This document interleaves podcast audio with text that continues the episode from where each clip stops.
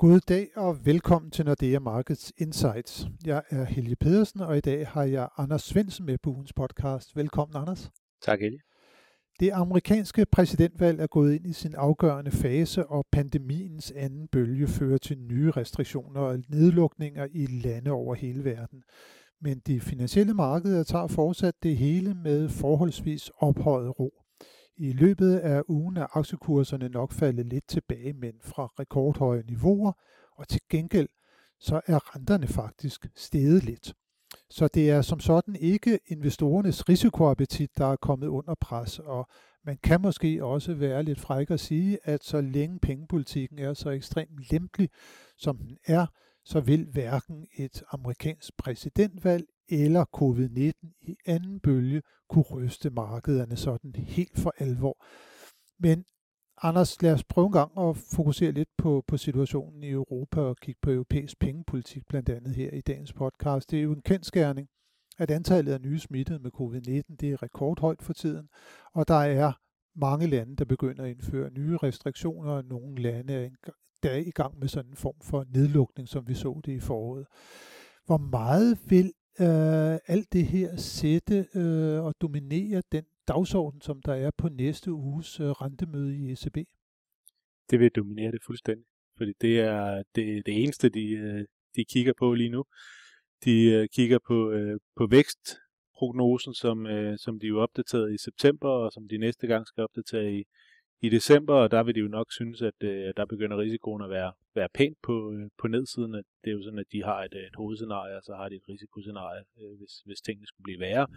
Og der, der er vi nok ved at, at, at, at i hvert fald have en øget risiko for, at øh, det bliver øh, de værre scenarier, end det, som, som de har regnet med netop på grund af, af, af covid-19 situationen. Jeg tror ikke, vi helt øh, er der endnu, hvor at, at vi kan sige, at, at nøgletallene er blevet markant svagere, men risikoen er i hvert fald blevet, blevet klart større.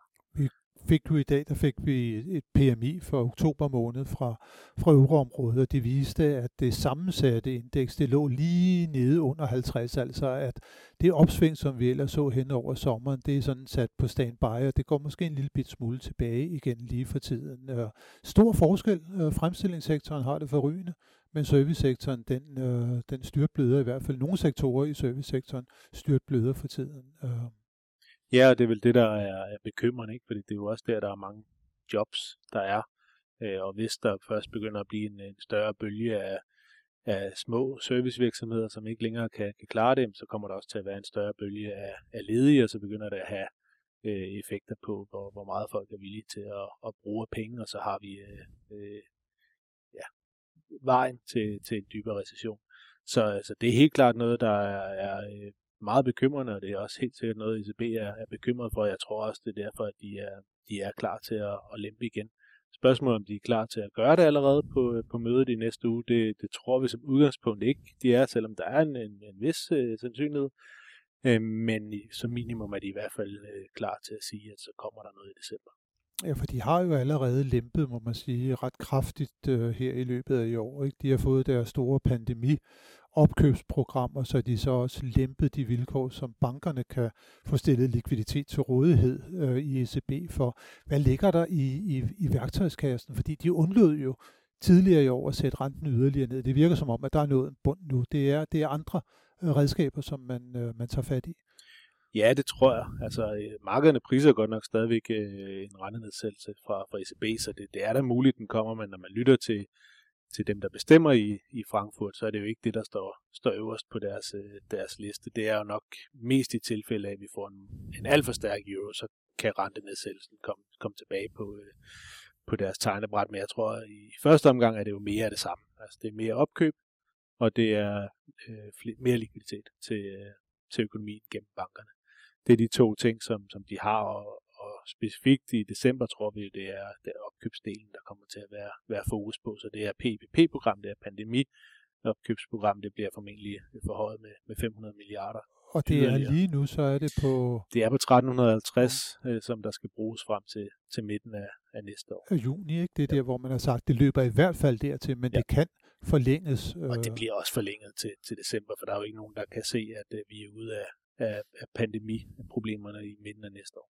Men nu siger du, at man kommer til at gøre beløbet større, men man har jo stadigvæk masser af rum under det eksisterende.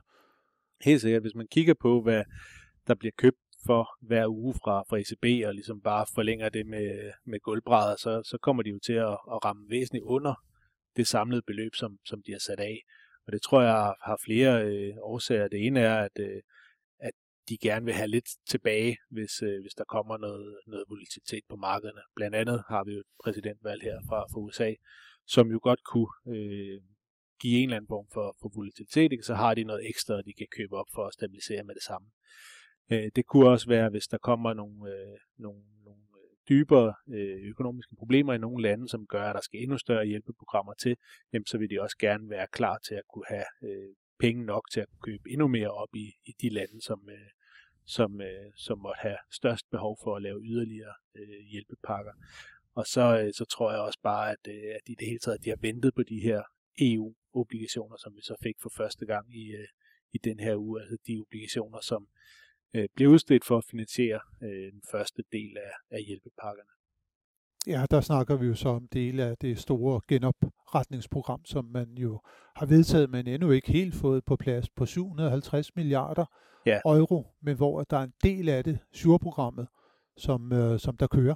Ja, som allerede er sat i søen, og hvor landene kan, kan melde ind, hvis de har nogle, øh, nogle øh, specifikke øh, programmer, som, øh, som skal hjælpe Øh, det er jo øh, primært sådan nogle øh, lønkompensationsprogrammer. Det er, det er programmer, der, der direkte tilknytter sig til, til risikoen for, øh, for højere ledighed. Øh, så hvis der er nogle lande, der har øh, nogle hjælpeprogrammer knyttet til det, så kan de søge om, om finansiering fra EU, så lande som Italien og Spanien ikke skal finansiere det ud af deres egne budgetter og risikere en eller anden form for, for markedsuro. Og så skal EU så udstede fælles obligationer, som så skal finansiere de her projekter. Der fik vi altså de to første øh, obligationer, en 10-årig og en 20-årig i, øh, i den her uge, og øh, det var i alt 17 milliarder euro, der blev, øh, blev øh, udstedt obligationer for, og øh, der var købere for 233, så man må sige, der var i hvert fald øh, rigelig efterspørgsel efter, øh, efter sådan nogle papirer, og det kommer der selvfølgelig også til at være øh, på, på de kommende aktioner, men som du selv siger, det er enorme beløb, hvis vi kigger en lille bitte smule længere ude i, i horisonten, som der skal, der skal rejses for at finansiere øh, alt det, der er blevet gjort for at forhindre de økonomiske konsekvenser af coronakrisen. Ja, der er det jo især, nu nævnte du øh, nogle af de, de sydeuropæiske lande, der har store problemer. Altså spansk økonomi er voldsomt hårdt ramt med et fald i BNP på næsten 20 procent her i løbet af andet kvartal, og en ungdomsarbejdsløshed, der igen har passeret 40 der er nogle kæmpe strukturelle problemer i de sydeuropæiske lande, der bliver virkelig fremhævet, når der kommer sådan en krise som, som en pandemi for hele turismen, som man jo normalt lever godt af, den, øh, jo, man fik noget hen over sommeren, man fik ikke så meget, som man havde lyst til, og nu er der blevet lukket ned igen på den front, og alt det her sådan små restauranter, barer, popper, og alle de steder, hvor man ikke kan komme længere, øh, fordi at øh, der er forsamlingsforbud i dag, og det bliver lukket ned. Det er jo også noget, der er meget sådan øh, arbejdskraftintensivt i virkeligheden, og det bliver jo ramt øh, voldsomt hårdt lige nu.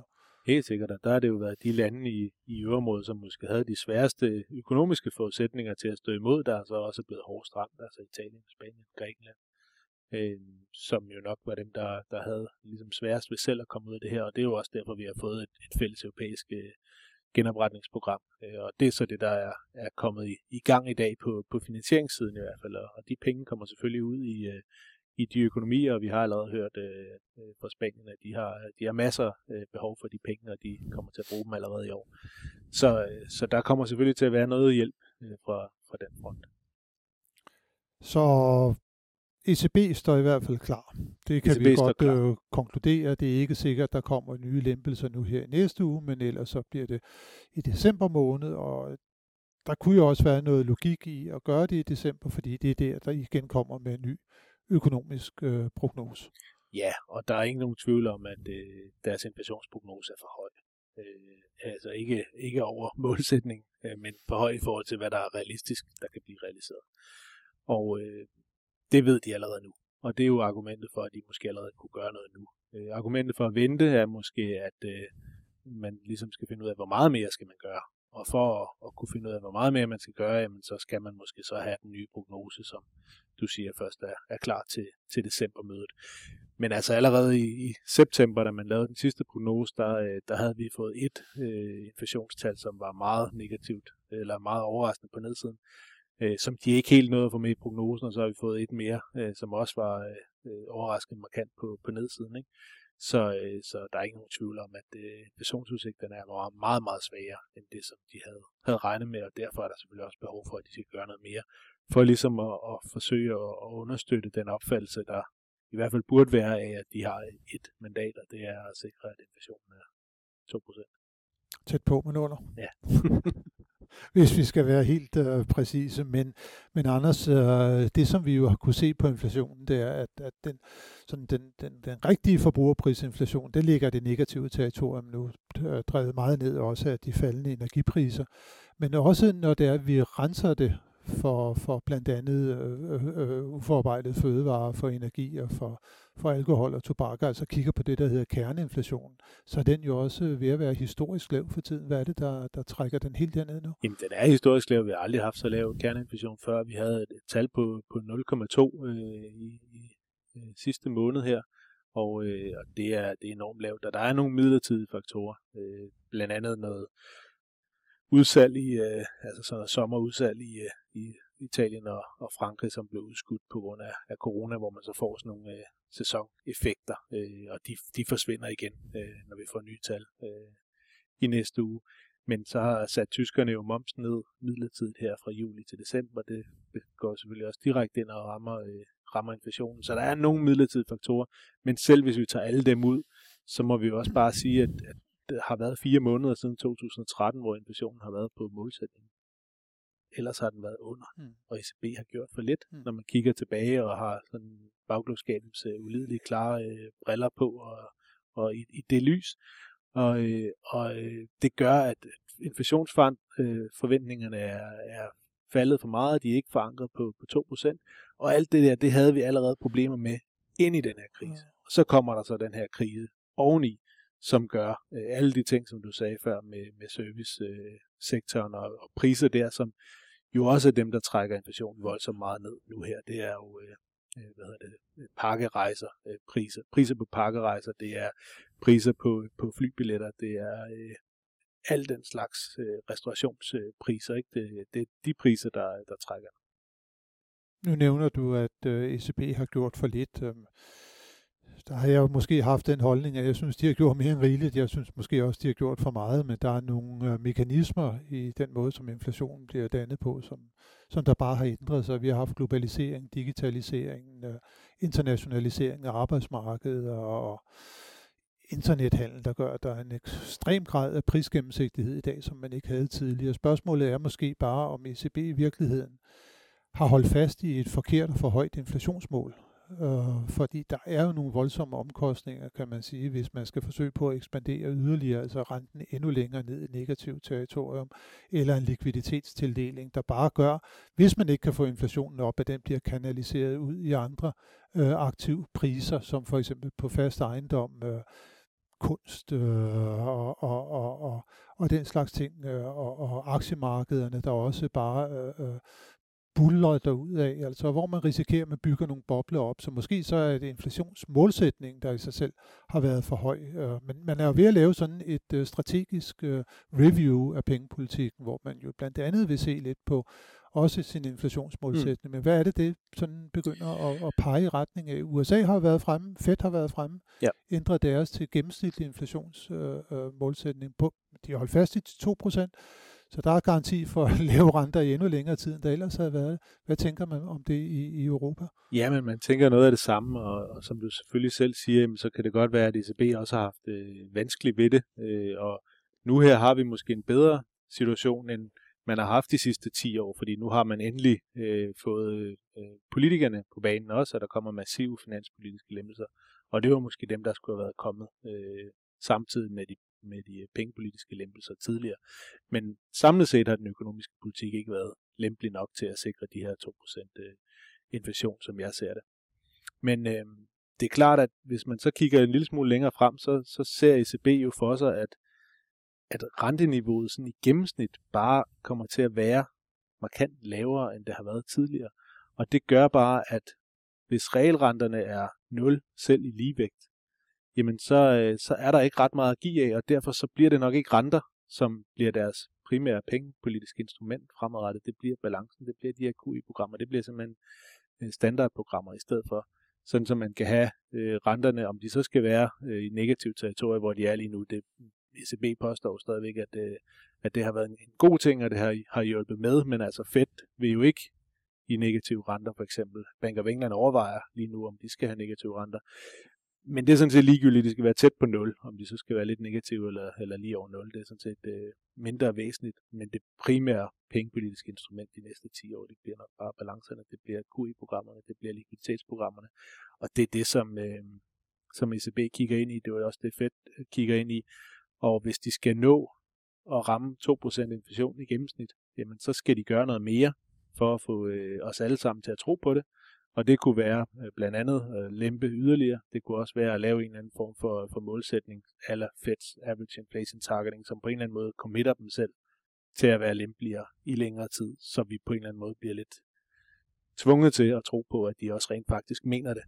Øhm, og det, det er de værktøjer, som, øh, som de kigger på, men de holder fast i, i de 2%, og de kommer ikke til at sætte det ned, for så vil det bare være endnu sværere for dem i fremtiden at bruge renteinstrumentet. Øh, hvis man forestiller sig, at man har en nominel rente i ligevægt, som er realrenten i ligevægt plus inflationsmålet, og realrenten i ligevægt er 0, og man sætter inflationsmålet ned til 1, så vil man i gennemsnit have 1% rente. Og det betyder bare, at man har meget få rentenedsættelser, før man faktisk rammer 0.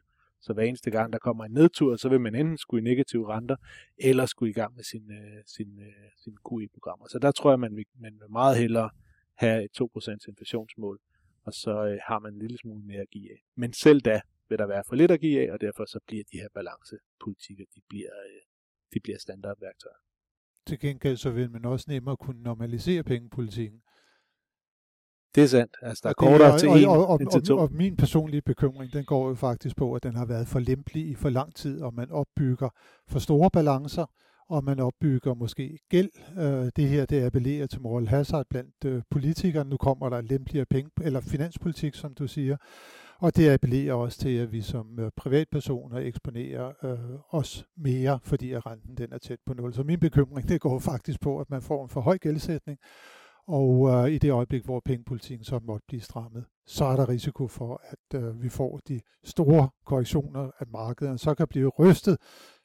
Og der er det også, jeg mener, nu kan vi vende tilbage til det, som vi startede med at sige. Altså længe den er så lempelig, at vi har de her garantier for, øh, at, at øh, centralbankerne de vil, de vil gribe ind, at de vil have en, en, en lempelig øh, øh, øh, pengepolitik, og den måske bare lempes yderligere, jamen så vil hverken et amerikansk præsidentvalg eller en anden bølge sådan for alvor kunne gå ind og føre til store øh, øh, permanente fald på, Nej, på aktiemarkedet. det er sådan set også fuldstændig enig i din, din generelle bekymring. Min, mit, uh, min øh, vurdering af, at de havde gjort for, for lidt, var jo ud fra, at de skulle leve op til en inflationsmålsætning. Øh, så på den baggrund har de ja. gjort for lidt. Jeg er sådan set enig med dig i, at generelt kan vi som samfund øh, diskutere, om, om det er fornuftigt at, at forsøge, øh, når, når det er så svært, som det er lige nu, og med de negative bivirkninger, øh, som der er, både finansielle ubalance, men der kunne også være sådan noget som ulighed. Øh, så, øh, så helt sikkert, men, øh, men i hvert fald, så længe de har de inflationsmålsætninger, som de har, så kommer de til at lempe yderligere,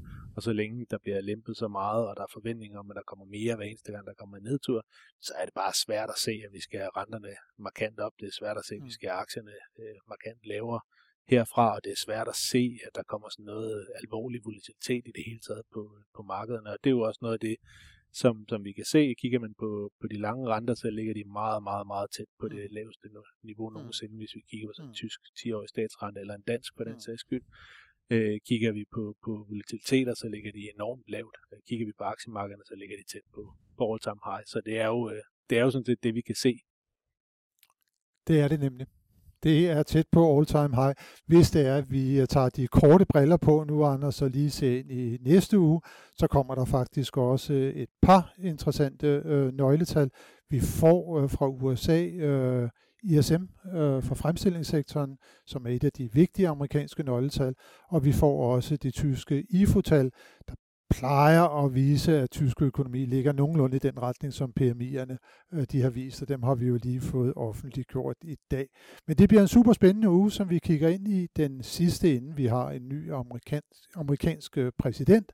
Tak øh, til dig, Anders, og tak til alle jer, som har lyttet med. Det håber vi også, at I vil gøre, når vi igen er tilbage med analyser og vurderinger af de finansielle markeder i næste uge. thank you